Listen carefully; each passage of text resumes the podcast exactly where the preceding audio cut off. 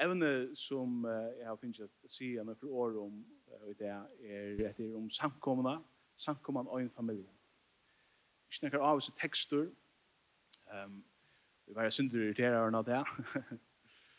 Så jeg, jeg føler her, det er så drevet en nekv man kan si. Um, det er evne som jeg husker nok nekv om, er, er jo eldsta ranen i Philadelphia i Gøtten. Um, her, og annars kan jeg ikke huske om etter um, Hva, hva er det for nek? Sankumma. Hva skal man lukka som halda, eller hvordan skal det huksa om etter? Um, og hvordan gjør vi det her rett? Um, vi jeg huksa, jeg, pra, prater med en, en, jeg prater med nek folk om det faktisk nu sønnast år eller så, eller ganske møyr, uh, om korona. Uh, jeg vet vi det er litt trøyt, jeg tog evnen. Um, men, men jeg prater med noen som jeg kjente nu en dag, her to tåsa om etter jeg streama møter Ehm ja vi vi stannar knappt standa við til einar stövus við ikki von við kussu gera við eh hur så räcker við til det som plea ver her sum plea koma og höra taler og synja saman vi okkum sum framvegis. Eh här som sum stream, som sum flyer sankar hava streama möts. Ehm och og alt gott om det. Ehm eg haldi til til så lätt det er super. Eh ta moksar om omstøvnar. Men eg haldi at det streamingen lukka som setur í auskastar og og sindur hva, hva manglar ta. Ja? eh Uh, jeg husker at altså, hur ska det streama ur lutne? Eh ta er på, ettersom at jeg ikke slipper noen ved lukkavel, jeg er ikke geografisk avmarskaver, så jeg skal bare ikke telten kommer lukkavel. Um, hvor jeg ikke velger akkurat holdt det her, ordentlig tjekka jeg samkommer. Um, jeg mener, hvor skal jeg lusta etter Jegvans Agriasen, ta jeg kan lusta Timothy Keller, et lagsvar her. Ja? Ehm jag också till en legitim spurning som man kan spela så. Eh eller hur ska det visst nu är big vi har tufft om hur ska det lusta att streamingen från ner. Hur är lust att den för förluten. Eller från här samkommer som ger det samma för. Och det är det är liksom en kritik som man alltid har om streaming. Vi där inte tas skulle vi för det här att ta i Philadelphia för eller gjer vi vi tog faktisk live bara inte komma møtt, eller så säger det sjön fuck how long could live each komma but men men uppmuntra vi fuck bara av sidan. Ehm um, men jag också kvärt i grunden för att är stream akra att det väldigt mer akra hanta streaming streamen som man ser man så är. Det var sagtans tur att vi har ett tillfälle till till samkomna som som talar om. Ehm det är inte bara tur att det är att gå en sank eller talar en går produktionen är god. Men det tror jag att uh, mina vänner är här. Ja. Jag, och inte bara mina vänner, men min familj är här. Jag husker att det är det första som jag, eller ett av det som jag husker om, det är jag husker om ett ämne. Um, det är synd som att vi, vi, vi som har lyst utanlanda senast så snägg varne, så jag Skype blev till eller också. Right? Vi vet att det är så gott här att kunna uh, ta sig och sitta anledning av tjockmodören och så vidare. Men det kan ikke samarbeides vi til å komme hjem til jobben og være fysisk sammen. Um, så grunden for at, at jeg kan ikke her, og ikke omkring ærestene, grunden for at jeg lustig etter talen herfra, og ikke omkring nekkmere, og som kjent der samkommet eller et eller annet. Det tror jeg at her er min vinter, her er min familie. Um, Det er en, en god frøyngur som heter Stanley Hauerwas. Han sier en affær, det var en konferans, og det er så vi prater om som er stingsen om. Tenker noen, så sier han, altså hvis vi skulle kappast med det kjønvarpen, så, så tapper vi. Um, vi lever i en, en heime som, som er fodler av, av underhalde, og stuttlig og spennende ting om. Uh, Hvor skulle vi genga møte? Hva er kvett i poenget vi uh, møte opp på en, en sunne morgen som hendan? Um, Hvor er det? hví ikke hittet Netflix til henfyr, eller gjør også halvt. Um, og det er grunden er hva sagtens tog at ui samkomne som jeg kom i finner jeg min familie. Det er min familie. Vi kunne omgang til å være lukka cool som jeg vet ikke, Netflix eller den nødgjeste serien eller den nødgjeste tjenesten, app i telefonen eller et eller annet. Og vi brukar ikke nekk bare tog på det ganske, men Det som vi har som samkommer er familie tilknytt. Et eller annet øye det være. Og til rannsakene for dere som er, er i samkommer løslo og lykkes som hukse, er det noe som vi bruker akkurat penger på. Hva bruker vi da til alle orskene som vi har på? Er det kjipa for tiltøkken? Um, et eller annet Vi skulle tåre seg bytja bygninger. Nei. Um, uh, Edla er det at kommer vi tatt på hverandre. Sjån at hese tingene ikke motsøkt. Men det er en, en, en, kanskje en, spenn, en spenningsfelt som vi, vi må være i. Det er viktig at vi fasiliteten og tiltøkene oss framvis. Men det som det verlig handler om er hvordan vi er bøtt gods. Og vi hører sammen. Vi hører til hver annan. Det er noe som det som som er i hukse syndrom, det som ligger sin bakgrunn med, eh och till vi här ehm och alltså förhåll till så tala men nästan bara överhuvud. Vad är det som ger till lokala och samkomma ser starka. Hur ska jag ändå för mig här alltså. Eh som sagt så är det ordentligt näck som man kunde sagt. Jag vet inte riktigt tanken om det. Bibeln han tåsar om ett även på näck och imska matar. Men ehm jag vill gärna lukka så svære seg spurningsne. Hvor skulle vi? Hva gonger det ut på? Vi är ju annars svärna som vi hade det rett at svära vi. og til är vi evangelium. Det er evangeliet som gjør oss Sverige på hva er det vi skulle endelig ha møtt opp her Jeg har ju et, ett sitat hängande uppe i min kontor. et sitat fra Luther. Här han sier, vi har bruk for å høre evangeliet kvönda. Så vi glemmer evangeliet kvönda. Um, til evangeliet som forteller om kvar vi är. Er Og til Øysten evangeliet forteller om hva vi skulle gjøre. Eh Man kan se at evangeliet forteller om bare kvært og kvosse. Det forteller om akkurat samløyga, akkurat identitet, og nøysen hva det er vi skulle bruke akkurat liv til. Hva det er og hvordan vi skulle leve. Vi Det er nekje måter som sagt at, at komme nå etter evne, men jeg husker at vi skulle hitje etter Efesus-braun. Um, og en løtt. Lesa noen brått her, og så tjekka Paulus hever å si om etter. Efesos brevet, det var brev som Paulus skriver til noen samkommer, som var um, i en område her som en bojer som er at Efesos vær. Er ikke bojer her møyr, man kan fære hvis man er ho.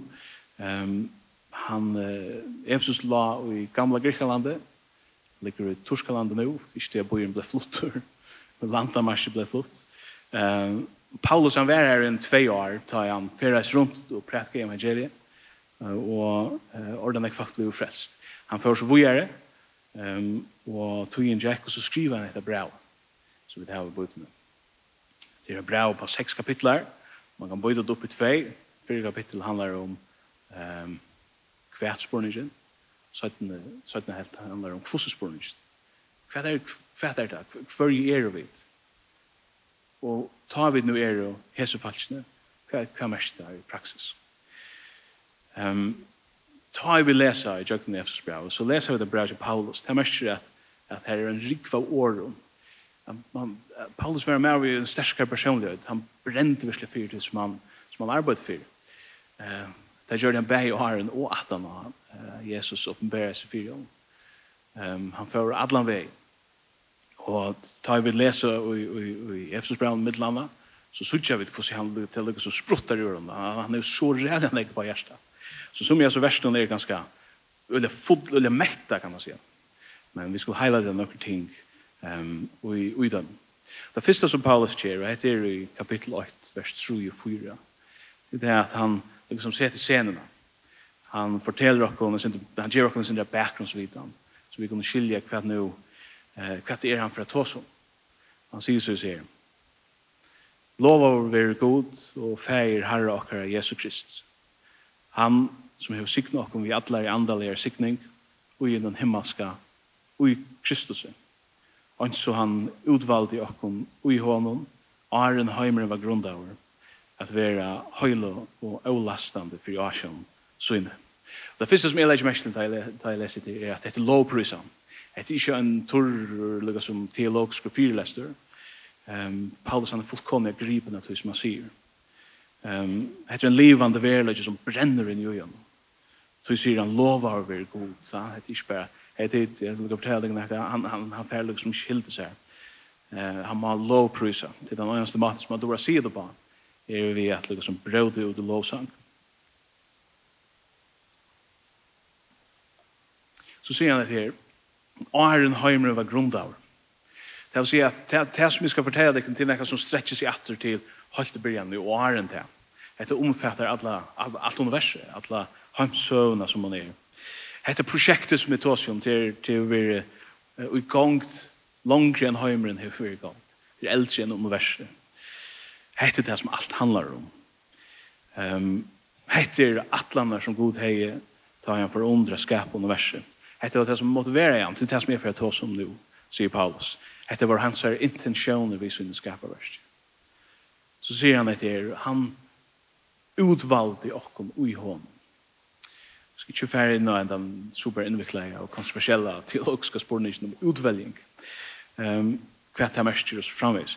Men jeg har sagt lukket som hva det utørslige merker, så gjør Paulus det grøyt at ta i god for gang vi er skapet, så har han okkom i hoa. Han har sutt folk i hoa. Det var det som han vil oppnå i skaparversen. Hette at det er at være signaur, at det skulle være et folk som var signa vi alle i andalige signing, og i Kristus. Ta i han sett her, ta i tru truhønden sett her, Arjen, universet, han sett i gang så var, det var malet var heta fölkje. Fölkje som i Kristus er signa vi alle i andal, andaligare signing. Det er så søva som uh, Eugene Peterson forteller. Um, han var pastor, rithøndur, i halvtid han omdvist i Østene. Um, han omsett med landa sier message på Bibelen, hvis du kjenner henne. Men det er utrolig, Um, Det skulle gå med å lese. Han, han forteller at en av først så, så sett han og Abba sonen hans kom renne og de til han leip opp fønnen og sånn, sier, Abbe, Abbe, fortell meg en søv og kår med ui henne. og til sin det som Paulus gjør her. Paulus han sier, så er han så god forteller, videre ui henne. Vi møter enda av første kapittel, så, så, så, så tar seg Paulus som kraftgods. Altså til å si, eh, hvordan god, liksom, unaturlig utfører sin evige vilja. Alle disse intensjoner, maler som han hever, så fjern til verska.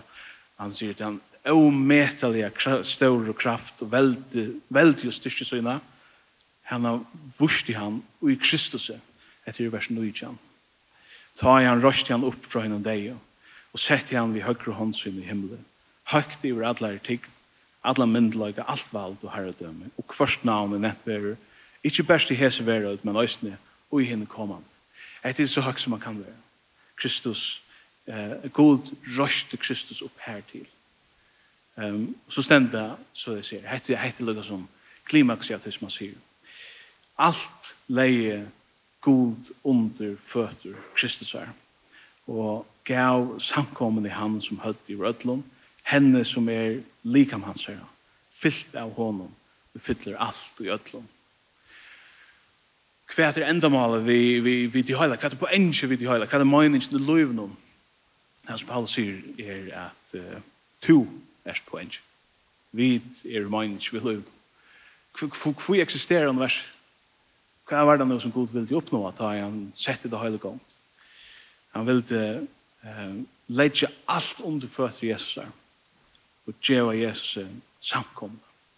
Eller som han sier, gjøre samkomne Jesus som hødd iver henne. Det er å si at på omkran merskesverdan mata, så er det som vi gjør bare nå, pastor av på engine vid i høyla. Da jag sier det, så gör det löj.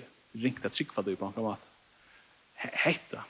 Men, men det passar. Men kvar vi, jag vet inte. eh, Napoleon og, og Caesar og, og Krutjum og, og, og Kaiseradøm og så framvis. Alle de tingene som vi lærer om og i, i søvebøkene. Nei, samarbeids Paulus, så er søvann som god fortalte la byrja jag fortälla, ta en byrja jag skapa. Så han så god forteller. Er, handlar om och. handlar om hvordan Jesus er herre i rödlån. hvordan han er utvalgt sina samkommor. Arren, i behöver börja att skapa så är en lång utvalt också. Paulus han fyrir som mer i konkreta detaljer i, i øren kapitlet. Det er fritt meg vidt, vidt kan vidt som har ikke sundagsskola, vi er så rett framvis. Jeg har gengis sindra møte vi har her horsnøkra som versen oppfyr. Jeg husker jeg vi bare skulle uh, lese det saman. Det er stersk, stersk vers. Uh, Fra vers 8 i øren kapitlet. Øysene tikkun hever han gjørst livande. Tikkun som var deg, som deg var i misbrotten og synden tikkara. Som tid av var livet og i et andan i hesson heime. Etter høvdingan iver her valden i luftene. Andan som virkar i bøtten om av vittnesins.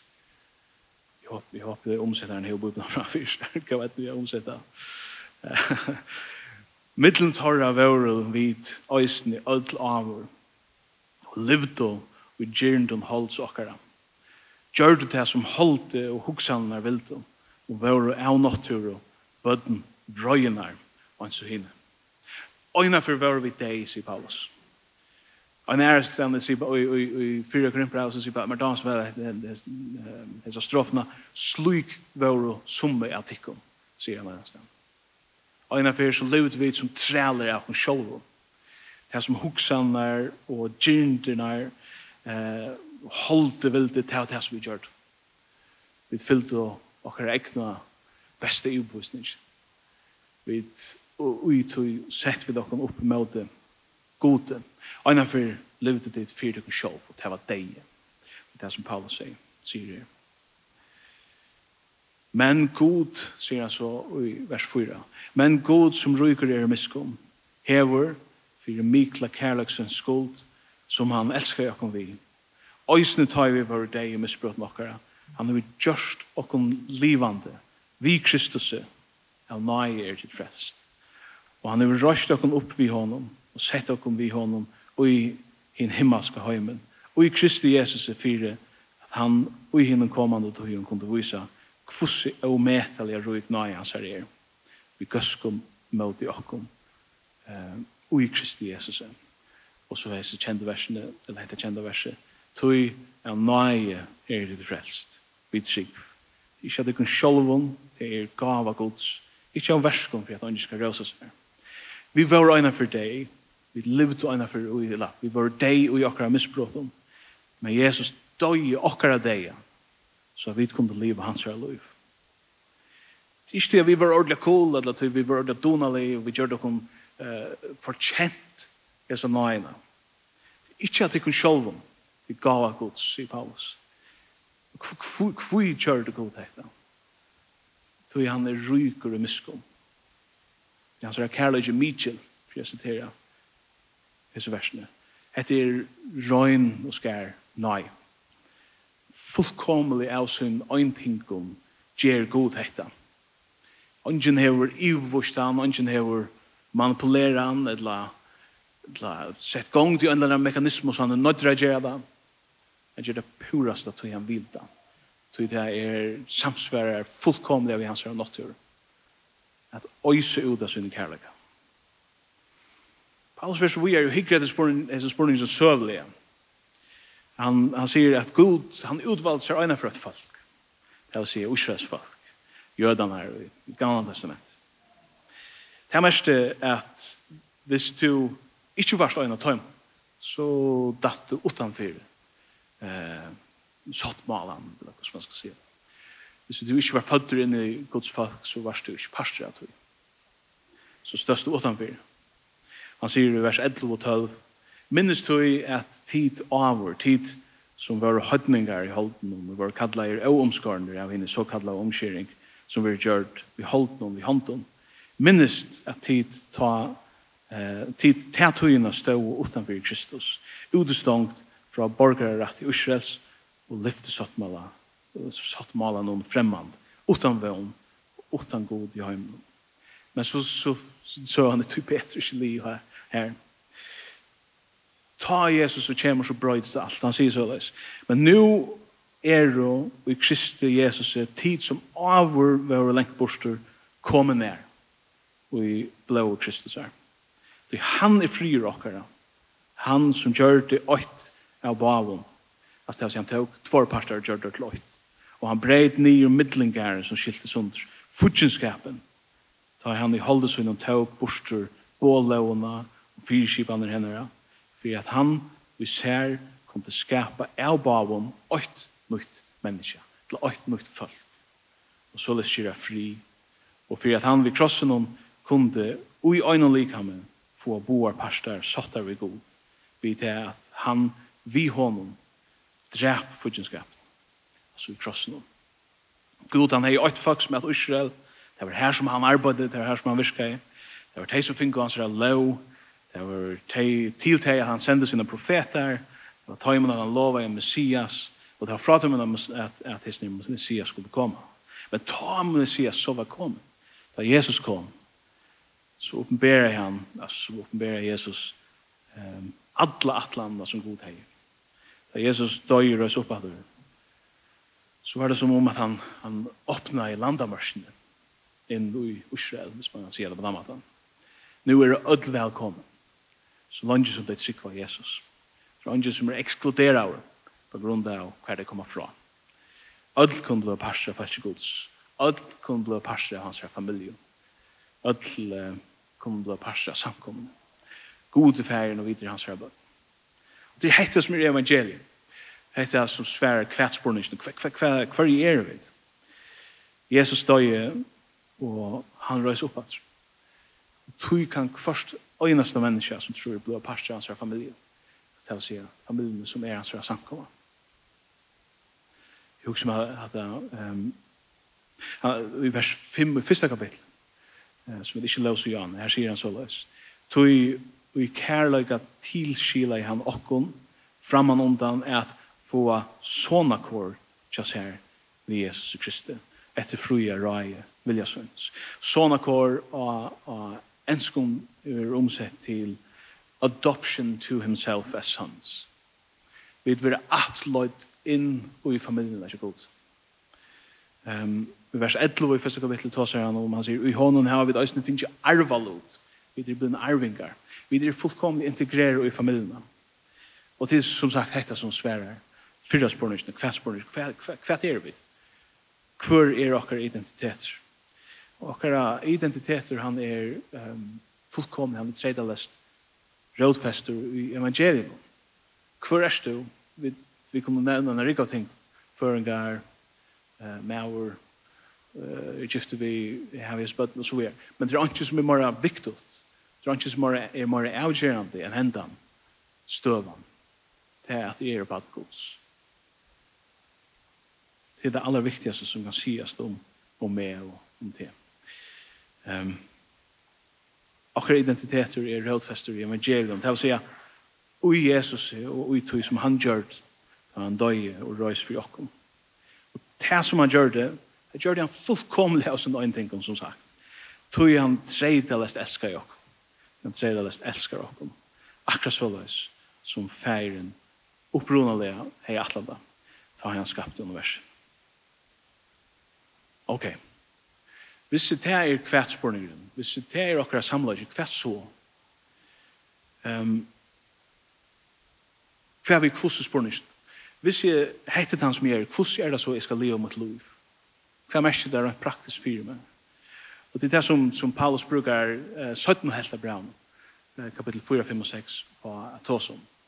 Og han sier en, en øyelig rikva ting om, um, men, men vi skulle hitje etter øynene. Hvis evangeliet er noe som er rådfest og i meg. Hvordan vekser det så ut? Hvordan viser det seg i praksis? Um, et vers som, som er opptid med i samband med dette er det første verset, eller tveide første verset i 15. kapitlet. Og jeg halde, som sagt, Paulus han sier en rikva imisk om ting om, han tar seg om, om, om alt mulig, familierna og, og, og, og så framvis, men Men eh, hvis man skal koka det nye, og, og hvis man skal finna et vers eller två en strofe som oppsummerer det som, som ehm Paulus säger på hjertet, det som det mestjer av er Guds barn, så halte jeg at hese bæg versene i 5. kapitlet, vers 8-2, er en utrolig ehm Det är uppsummerande på en väldigt djupan och liksom tankavetjande, hoväckande mat. Hvis vi leser läser Hesbergversen. Vär tog etterfylgjere gods som elskar bøtt Og livet ui kærløyga. Og en som Kristus elskar i okkom. Og gav seg sjåvan fyr i okkom. Som gav og offer god til takkall igjen enga. Vær i etterfylgjere gods som elskar bøtt hvis du sutja da i, i, i tikkara bøyblio, så er det et i enda man elskar. Det vil si at det er ikke et sagnorm eller løsingarorm. Det skulle være enskons i det stedet, beloved children. Ikke, ikke at vi det skal bøyt, men vi er å elska bøyt. Vi er i etterfylgjere gods, og en bøyt som er å elska, kan man si. Jeg er så heppen at jeg arbeider, jeg arbeider bloggersheimen, det er vi just nå i seks år, til damer ordentlig vel. Vi vet at det er nekverinne som er arbeider ved mennesken, til en fremmedgjør at, vi husker om, om at det er uh, mercy som vi har på i Jan. Det kommer kontakt med mennesker som har det rikt, som strujast. Um, ta er man arbeider til døms, til det går sikkert jeg arbeider og, og, og blagersømme, så kom i kontakt med øyne nekv imisk mennesker. Det var 120 imisk folk uh, kom inn og blagersømme i morgen Um, og det er folk som kommer fra ødlens sosioøkonomiske eh, balkon som man kan huske seg. Ja, ødlen aldre, bauen kinn, eh, som jeg har arbeid, som jeg har ikke, som jeg trykker på god, som jeg gjør ikke, og så framvis. Um, men jeg heldur for ødl, felagsfri ødl, er en slagende desperation. Um, jeg vet ikke hva du sier, men at det er at renna seg fastan løy, men jeg ikke hva du sier, Johanne. Ja henda desperationen som, som ligger her og, og skal man säga, borde fras här. Og felaks for, for at det som är samband med at jeg bruker rusen eller som att um, som man har hjälpt på det for för att hålla sig det. Det er en stortøyar hjelp som er en lengtøyar kostnad som er øyelig høver. Men det er en hjelp. Så sier vi, vi um, hva som Johan er her i det. Ehm men vi, vi arbeider sammen. och vi tar som i jeg halde ikke näkar. Jag ödlon här en öle fjäll ett öle fjällbrott nu öle øylig imisk folk, men jeg halde ikke näkar som vi kommer samman vi, och i tid de flesta de som arbetar vi människor som har det, kommer att skriva under på det. Nej var näkar som inte är tillknuds tilknudes var vi akram. Jag vill säga at personer som, som eh, eh, tar personene som skulda för här fra fyrsta deg av. Og givet dem den avholdende tredjedeles av kærløkken, eh, så omsorgen etter oppveksten vore kjære av omkring årsøk. Um, og jeg hadde samme er det trobult for oss menneskene at, at fauta seg i løyvene som er fedla fullkomne.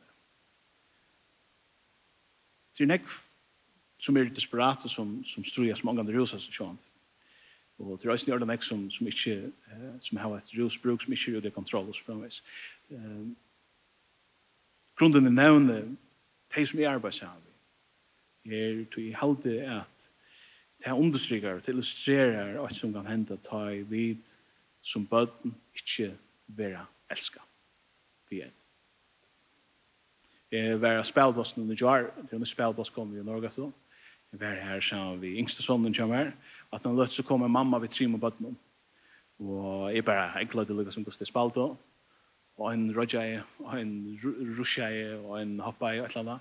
Og alle røpte det av mamma, så at mamma, ikke her, ikke et mer. Arne, det er lukket som for rusjen det sted.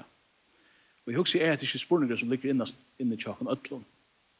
Um, mamma, sørste meg, um, hva er det så, som hender vi i en sjal, ta mamma ikke ser, ta og i... um, uh, tar personer som skulle ha vært her, um, ikke gjør oss han kærlighet som vi har brukt for, uh, og at han maten som vi har brukt for. Uh, vi spyr igjen da sporene kjørt den ekstra på det løyt, til mamma sørste med, uh, som vi begynner så spyrir av den minne og minne. Han vil liksom backa over inn i akkurat DNA. Vi finner til oss verden som Pjørs og spyrir seg ikke mor. Han blir pastor av hvordan vi oppfatter alt universet, som man kan si det på den måten. Uh, för min lojklod och Jesu ver. Alltså. Kvart är spelreglerna kan man säga. Kvart händer vi salen som mamma inte ser. Um, kanske um, kanske var hon bara fullkomligt frånvarande. Uh, kanske var kärleken fullkomligt frånvarande. Eller Etla kom kärleken bara ta i var ordla fytter. etla ta i var ordla raskur, etla ta i var ordla dröjur. Um, Hva er det for søv som vi enda vi har fortellet om okken sjål, uh, og om verna som vi lever i, ta i, ta i kærløgjen, um, omsorgene, tilknøyde, nærløgjen, ta i han ikke er her, eller han er, er treid av. Og det er det øyla nek som vi kunne si om etter, og jeg mener, jeg er ikke nekker ser og en grøsjen i behøver. Um, jeg er bare en, en, en, en person som, som vi nøkken ekkeløyent om etter. Um, men jeg husker at man kan si at, at det er två ender av en, av en spektrum. Um, hvordan mennesker kommer å utvikle seg. Um, ta i man, eller til två måter for å holde seg til manglande eller tredje en kærløyga. Um, at ta i, um, ta i, vi ikke få det som vi har bruk for å få. Um, så er det lukkast med at, at vi, vi trakker i høymen og vi sutter høytene alle stedene. Um, det som hender tar vi få det som vi har bruk for, bruk for å få, til omsorgen som vi da gjør eh, fra akkurat foreldre. Så trakker vi den verden, vi sutter vantene som er her til, det er jo faktisk sted. Men vi ganger fram ved en, en tryggløyke innan vi, en uh, samføring om at du kan ikke hende så det anker som er gøy med. Eller du kan ikke hende så er jeg en person som er verdt at elska. Um, til en øyne større månen ta i tannkjenslan samfunnet som bor inne i en person og, og ta i han ikke gjør det. Hvis du ikke opplever det, hvis du opplever seg av, av kærlega, omsorgene i mangland eller tredje, som sagt, så kan det enda vi at du sars kærlega som en mangelvør, at du er så tråt av kærlega, og du må strykja der til farstan, måste arbeta för det. Eh så kvilar ju men det är allt den på utkick eh efter höjtan. Och en strategi som sagt, det alltid man kan se att det är två poler. Det är att bli herre. Ja. Jag ska ha det som jag ska ha. Och inte ska våga sig att häcka det framöver. Ehm Ongen ska släppa in om her. Så folk er farlig og kærløyde er en, en mangelvør. Og jeg skal halte om det. Og ikke skal våre seg. Det er en ekstremer. Og jeg har halte henne ekstremer det er det motsatte. Ikke det herre å ta fasta, men det øyelige bleita. Um, hvis jeg ikke slipper en om til det herre, så slipper ødlen om til det bleita. Jeg vet ikke om det var opplevet her, eller sett her. Man vet ikke alle hvert han bleit i enda, hver han byrjar. Her er ikke morsk for nøkker det är ofta tracka ner. Man tar sig ofta om pleaser och så framvis. Um, vi tar det heter två ändar av samma spektrum. Men det är samma fyrbygd som gång fyra sin. Det är kärlöjden um, uh, från föräldrarna. Det är en tredje manglande kärlöjden. Han får planta sig ner och han växer ut som, som två extremer och ett punkt i mitten her. Um, og jeg nevner det ikke bare for at, at, at hula i det, men i halte at vi kunne sutja det samme, samme dynamikken i samkommet. Halvtid. Um, så vi har akkurat hørt med denne om Paulus som tar seg om god som ryker i miskom. Han nøyer det frelst og så framveis. Ikke av verskom til gava gods. Kærlighet som vi får fra god er fullkomlige treidaleser og avgjør. Ikke tog jeg videre, og var oppe men tog god kan ikke anna enn elsker oss. Det var tog jeg Jesus kom, og han døy for oss. Og vi kunne kvile fullkomlig trygg og i Guds kærlighet. Det er ikke vi som skulle gjøre oss kærligheten oppe bordet. Um, han er purasta og en gava fra Guds suju. Ta er som Paulus sier dette, vær etterfylgjere Guds som elskar bøten og liv i kærløyga, så er det precis samme prosess som hender andalega. At kærløygen fra foreldrene forplanta seg i livet til bøten. Menneskeslige så gjør vi til det gonger godt, men også til det gonger ytla. Andalega kommer vi suttja at ångtis så kommer vi miskylja kærløyga gods.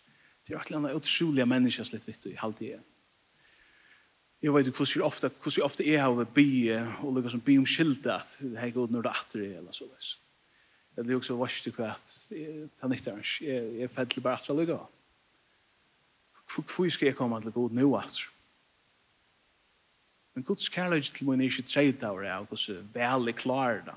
Han lurer ikke bare etter akkurat bønnen, ta og ta i og gjøre akkurat den til det. Han ser kærlighet til tredje leser. Han er som den fullkomne papen, som den fullkomne mamman, som kvörjar till öjnas för och säger, hei mamma, så higg her, så higg han. Um, synes øyla vera, men synes er det ikke alltid, og du er det vant trygg som gjør seg galdande. Og vi kunne oppfatta Guds kærleika som en mangelvør. Uh, vi kunne leva akkurat liv som tryggvande utan enda frien, enda trygglagan. Det er innare samføringen om hva vi dyr tredalest elska er tilvidar om at, at tog en gang kjøtt. Men jeg husker at lukka som vi som mennesker kunne enda bli hør eller bleit, så kunne vi da også antallega bli hør eller bleit. Um, hvis vi dyr hør, så kunne vi bli etter vakthunden. Vi kunne bli etter håndbremsen, jeg vil ikke kjenne at det er typen her. vi kunne være så opptids den vanten noen her ute, at vi lover ånkom innom. Det er ikke nøye til vi gjør Det er bare fordøming. Det er bare en standard som folk skal leve opp til alltid. Og hvis du ikke gjør det, så først du er av det.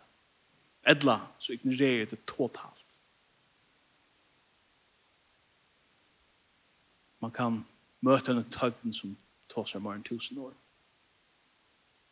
Det betyr ikke at det ikke er ikke skilskaper i. Men hver kommer motivasjonen ikke derfra. Mm? Tår du at lyde av godt og leta tingene i være som er utrygg ångt. Men vi kunne også bli bleit her. Um, her vi tjener sånn jeg vi brenner ut. Og tar vi brenner ut så har vi dårlig ringa samvetskultur og er så det er vanlig.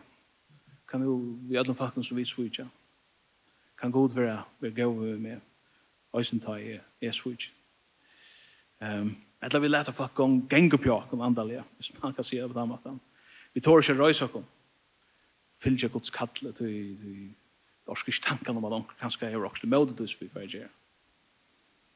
Jesus han sier falske profeter for å komme. Hvor skal røysa seg opp hvis vi ødler bensin fyrir møtstøvn som, som kan komme? Det er å si, hvor skal røysa seg opp hvis ongen kviler i Guds kærlag? Jeg halde at fyrir enda så jeg halde det som gjør seg galdan i bavene som Paul og ødlen som punkten og middelen til øytte jeg hadde i røyte. Røyte for menneskjøn, røyte for kaos, røyte for å oppleva obehag, alt det som kan gjøre gale. Røyte i søgnast enda som er, er rådfest i manglande alit og god, manglande trygg, manglande kvile og i hans kærlega. Fyrir i hans er bra fyra og at han stender at 8 er ikke ui kærlega mann. Nei, hinn fullkomne kærløgjen reker øytan ut. Det er mest ikke at vi omgang skulle være væren om hoksen, vi bare skulle leipa sted og omgang i hoksen hva, hva konsekvensen er at vi gjør det. Men angte må spyrja oss sjálv um, hva botnar er snøyt nå i søgna stenda. Hva nu hvis det er til at det ikke kvile og i gods kærlega. Og jeg kan bare rannsaka meg sjåan, jeg også vet at det kommer til å gjøre det. Hva er det som ikke tår jeg sier? Eller hva, hvordan jeg omsorgen kunne de hatt vust, men jeg har vi ikke. Så jeg er bensje for hva så kommer, eller kan du si vi er avvust. Hvordan jeg er kilometer av distans så har vi, eller hva som opparbeid i jøkken av liv, og etter å være satt, eller å være oppdea, og hvis du kjenner tog kjenslene. Hvordan jeg har rasjonaliseringer har vi framlagt. Så vi er bensje for at verlig høyra til som god sier, og hvordan god kallar av meg. Du er helt utrolig vel. Det er imest hvordan vi spyrir oss og reflekterer, hvordan vi rannsæk oss selv og i Jesus samband med hver denne som øtten kommer inn. Hver er det her som er, hver mangelig er kvila og i, i Guds, Guds kærlighet. Um, at det her så også om sitatet Charlotte. Vi har bruk for at høyre evangeliet kvendt det. Det er ikke bare ofrelst folk som skulle evangeliseres. Vi har alt bruk for å holde det, å være evangelisere. Vi har bruk for å være konfrontere vi evangeliet. Hvor er vi? Og i Jesus. Og vi vil enda vi i hese versen og i tre kapittel i Efesus. Fra vers 14 til 19. At det en øyla Paulusli, uh, jeg halde etter øynsetninger og alt, ganske tvår, men kom og les det sammen. Tui er til at jeg bodde knømøyne for færen for honom hever alt som fæger øyder i himmelig og gjør ansøtt, at han etter rujgedøme dårdarsynar skal vi djeva tikkum, at tid vi anda hans er styrstjast, kraft i innvortes mennesketikkar, Kristus vi trunne skal bygg for jørsen tikkar, Paulus byr, tid skulle styrkjast andale. Tid skulle fæta mor og mer hver tid er som godsbød. Så sier han så Så tid, rådfest og grundfest og i kærløyga kunne vi ødlån hinnan høylova vera menta fæta for brødden, langten, dybden og hatten er og kjenna kærløyga Kristus som styr upp om allan kunnskap for at tid kommer vera fyllt vi allar er fylling gods. Det vil si at byrjanen til okkara andalige liv, byrjanen til hvordan okkara identiteter vekser ut, er at vi fæta hvordan større kærlighet gods er for okkom. Det er galdande for okkom som ansteklingar, men det er også galdande for okkom som samkomma. Hva er denne som, hva er for fætan av okkom sjolvun, og i søgnastende av god og hans kærlighet, rævur i okkara livet, og i okkara felagslivet her. Hvis vi er en familie, til er vi så er Jesus døy og røys for okkom, og vi blir til bødngods. Så er okkara samløyge som fullkomlig elska, treida lest gautidjen av gode, til det som er et etkjenna okkara løyv, okkara samkommet løyv. Jeg vet at det er ikke så anfalt. Vi kunne renne okkara opp med alle møvelige ting. Det er hardt å være menneske. Det er hardt å vekse. Det Det var sånn prosesser i han. Det som vi da får innom maler kallet høyla gjerringen. Det er vi kommer nærre, og nærre god. Det handler om mer og mer fæta. Jeg er elskar. Jeg er hilden av gode. Jeg kan kvila. Vi kan lete avveksten komme av det sammen. Jeg har jo ikke missa. Du god lofta meg, jeg var en sekvæt. Jeg kan offra. Lykkes vi som Kristus offra jeg jeg, så jeg kan leve i kærlighet. Jeg kan møte min syskjen. Og jeg synes at det koster mer enn jeg. Det er det som det handler om. Vi sønner stendet. Og vi tror så vil jeg gjerne enda seg til vi er bia. Vi tar det som sier Jero. Det kan ikke fra deg. Ja, kom vi til bia. Fyre akkurat hesson. Gå god, vi takker deg for at to skapar i hansins hei okkom i hoa ta i du først i holdt i skap. Vi det er ikke bare anlunder fotnåta og i søvbøkna, men vi er og parster av atlandet som to atlatinner hei. Takk fyrir Jesus. Takk fyrir at du sendte din son a være ein okkara, a dodge okkara deia, så vi kom til liva hans her liv. Hjelp okkara fætan, hvordan større den kærlighet er. For brødden, langten, dybden og hadden av den kærlighet er. Gjer det livande for oss vi til landa. Ikke nekka som vi menneskeslige, rasjonelt kunne skilja. Men det er nekka som du kan åpenbæra og gjør oss. Og hjelp oss med takt ved at vi skiljer etter. Jeg vekser og i tær. Jeg kvila og i sin kærlighet. Og at fæt at han ser til åkne fralse, at tjene, at elske akkurat syskjen og i det. Vil du være vi akkurat hæsar samkommet, vi lønne, vi tøyne familie på et her. Og en snitt tar man rundt i fyrjon, om samkommet kyrkjon, som samlas om tøyt år. At det er etter en fjølbrøyt familie, men det er tøyne familie. Og vil du arbeide i tjøkken okkom, så at tøyen vilje hender, så at tøyen takskra vekser. Hjelp vakna liv og Jesu kærlegam, kjøy og god.